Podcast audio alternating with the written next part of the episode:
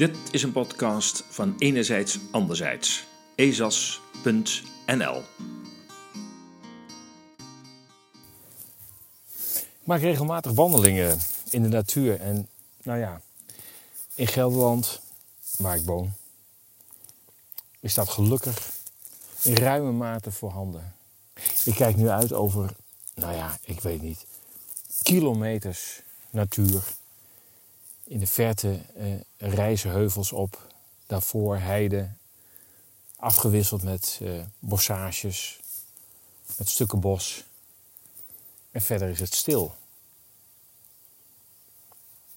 En dat zet je wel eens aan het denken. Denken van, ja, wat is er nou eigenlijk aan de hand? Ja, overkomt ons dit nu allemaal? Of, of ja, zit er toch iets van regie achter? Uh, en, en, en zo ja, met welk doel? Enfin, deze tijd roept natuurlijk bij velen wel heel veel vragen op. En ja, zo ook bij mij.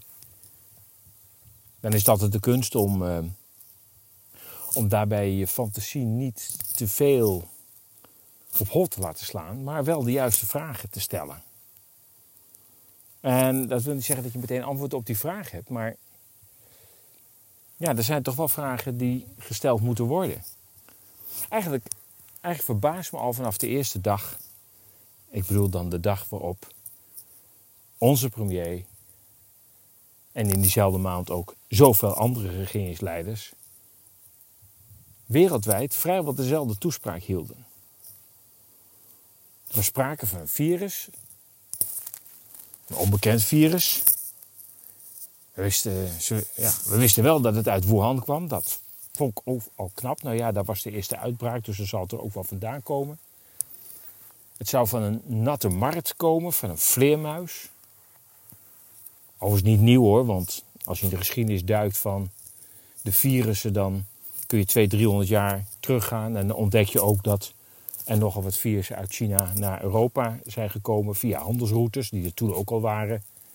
En ook toen werd vaak de vleermuis genoemd.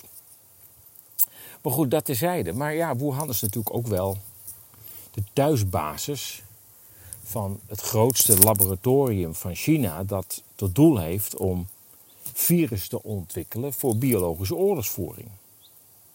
Hun specialisatie is COVID, COVID-virussen. En hier en daar zijn wel geruchten dat er sprake is van een virus met een gained function. Het schijnt vaktaal te zijn voor het manipuleren van een normaal virus. Want COVID is eigenlijk een normaal influenzavirus. Maar zodanig gemanipuleerd dat het veel ernstige gevolgen heeft. Gained function, een versterkte functie. Inmiddels worden daar in de Verenigde Staten vragen over gesteld. Of COVID dan een virus is met een gain function. Dat zou verklaren waarom de regeringen in het begin zo in paniek waren. Want het zou dan een soort oorlogsverklaring kunnen zijn van China aan de rest van de wereld, vooral de westerse wereld. Het kan natuurlijk ook ontsnapt zijn. Kortom, verschillende scenario's zijn mogelijk als het gaat om om hoe dat virus überhaupt in de wereld is gekomen. Maar ook al is dat zo, ook al zou er sprake zijn van een ontsnapt virus, een losgelaten virus met een gained function, dan nog is het raar dat de toespraak van bijna alle regeringsleiders die, die overal dezelfde toespraak hielden, allemaal de term het nieuwe normaal in zich hadden.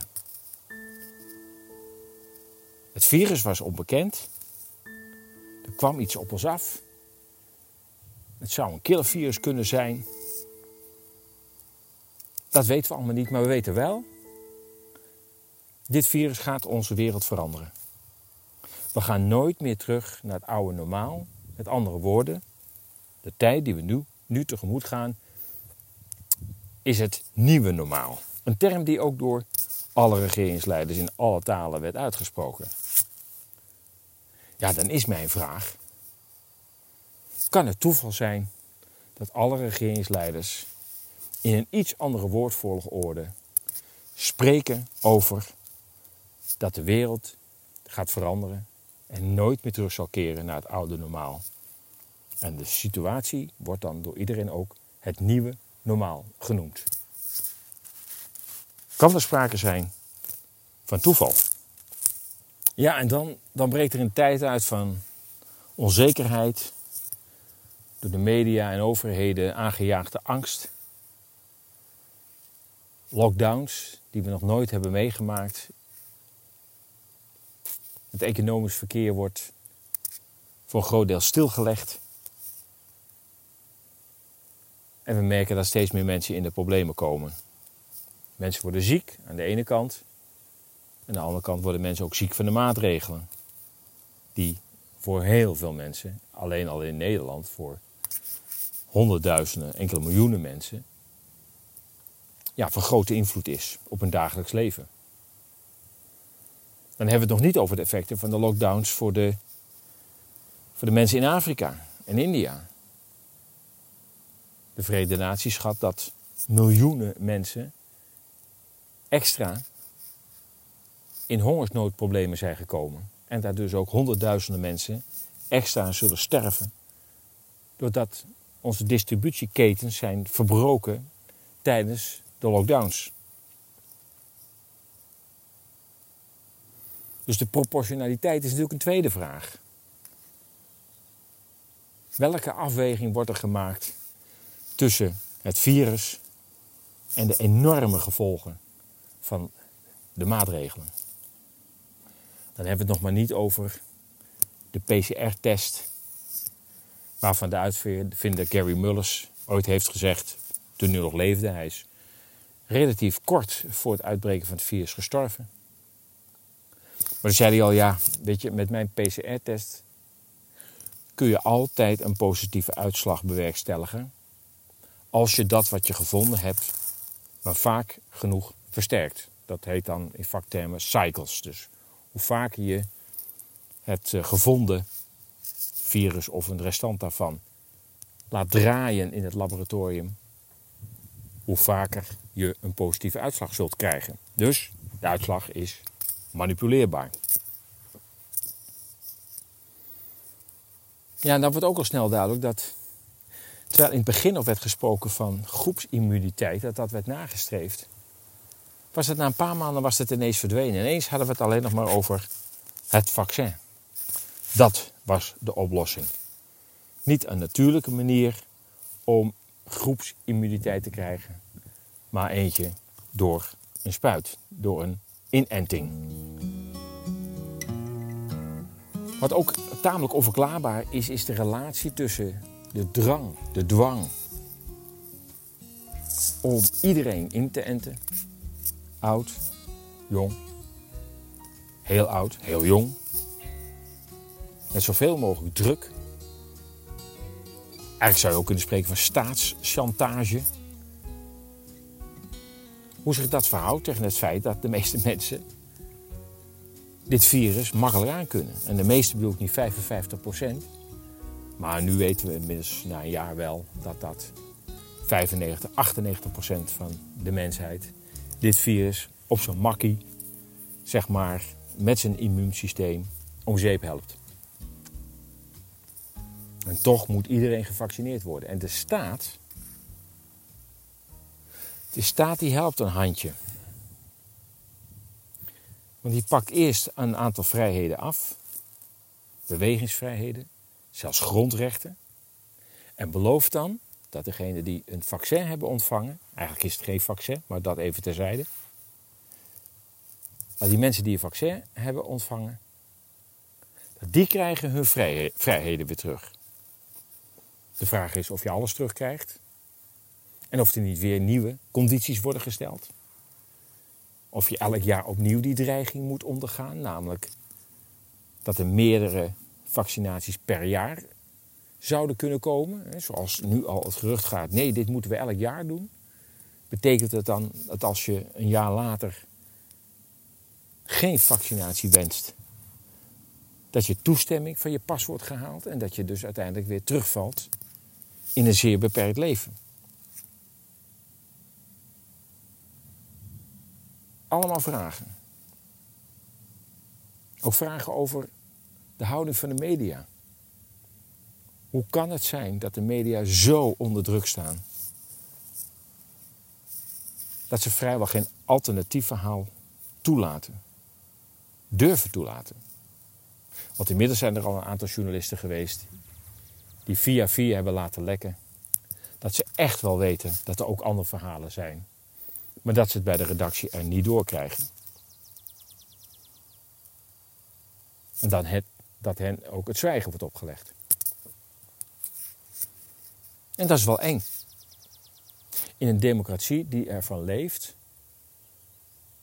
om een volle spectrum aan meningen uh, te verspreiden. En dat mensen daar ook kennis van kunnen nemen op grond waarvan je ja, bij verkiezingen, maar ook bij andere te nemen democratische besluiten, uh, dat je daar een mening kunt vormen op basis van die verscheidenheid van informatie die je krijgt. En dat lijkt nu niet meer toegestaan. En de staat lijkt op dat punt helemaal door te draven. Een minister die liegt als hij zegt dat de vaccins uit en daarna zijn getest. Dat is niet waar.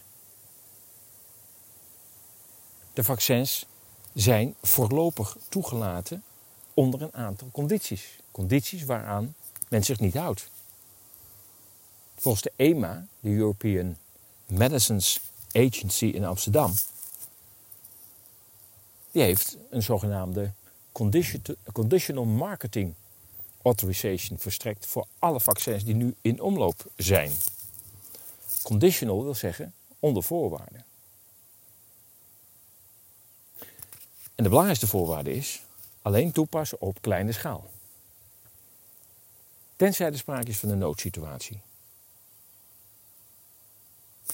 Maar is er sprake van een noodsituatie als we het hebben over een case fatality rate? Oftewel, het aantal mensen dat in aanraking komt met het virus en komt te overlijden, dat is op dit moment 0,15 procent. Een normale griep zit zo rond de 0,13. 0,15 procent. Ebola kent een case fatality rate van rond de 50 procent. Dat is 400 keer erger, besmettelijker, dodelijker moet ik zeggen, dan dit virus. Kun je dan nog spreken van een noodsituatie? Nou, dat is een vraag die ieder voor zich maar moet beantwoorden. En dan in de zomer 2020 beginnen alle regeringsleiders weer met eenzelfde soort toespraak. En nu heet de toespraak Building Back Better.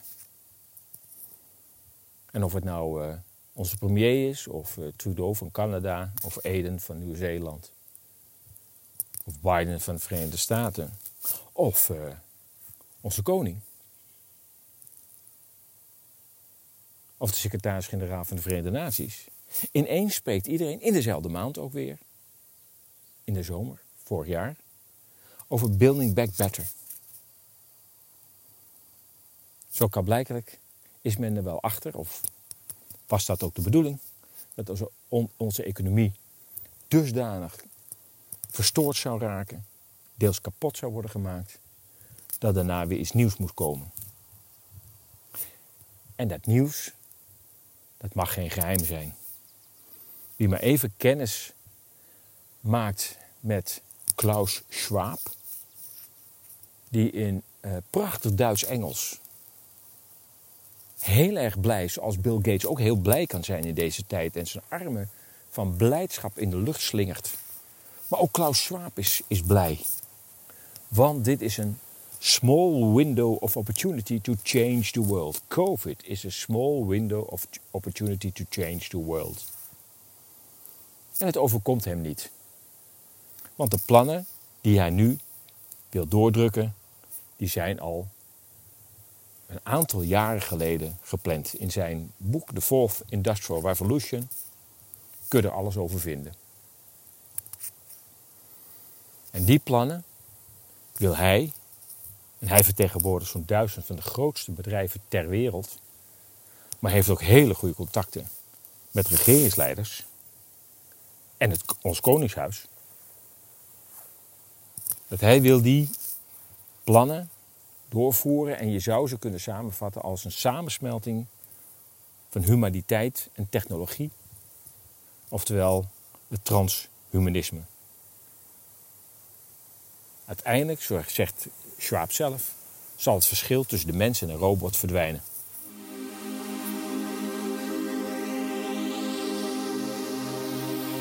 En daarnaast wordt er een informatiemaatschappij opgetuigd. Wereldwijd moet de controle blijven op nieuwe virussen. Maar daarvoor is het nodig dat we allemaal onze data afstaan. En mogelijkerwijs aan een mondiaal opererende organisatie. En we zijn nu berichten dat die gevestigd wordt in Berlijn.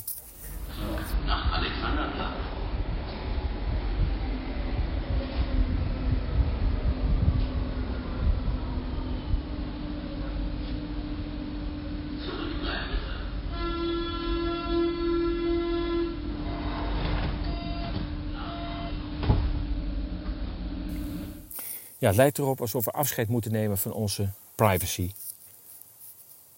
Om uiteindelijk het volgende virus het hoofd te kunnen bieden. Vrijheid tegen gezondheid. Althans, vermeende gezondheid wordt nu uitgeruild. Maar daarnaast komt er ook een voor vele dystopische maatschappij. waarin constante surveillance van menselijke bewegingen dataoverdracht, persoonlijke dataoverdracht naar onverkozen organisaties.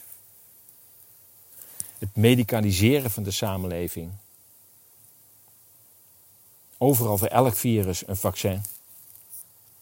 Nog los van wat er in de vaccins zit. Het zijn natuurlijk experimentele vaccins.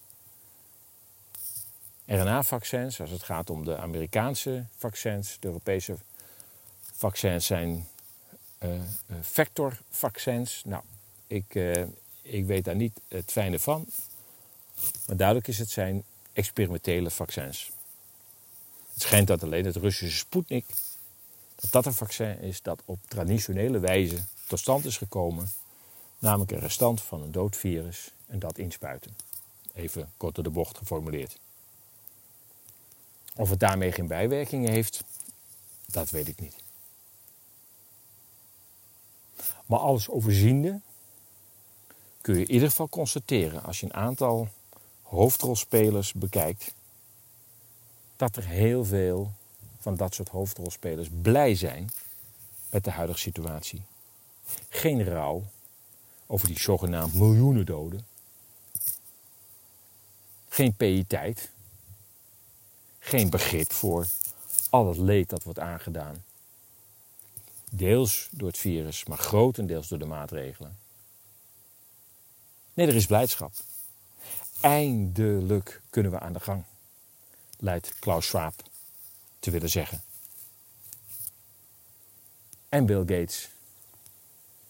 People think they have a choice, but they don't. Een citaat van Bill Gates. Nee, mensen hebben geen keus.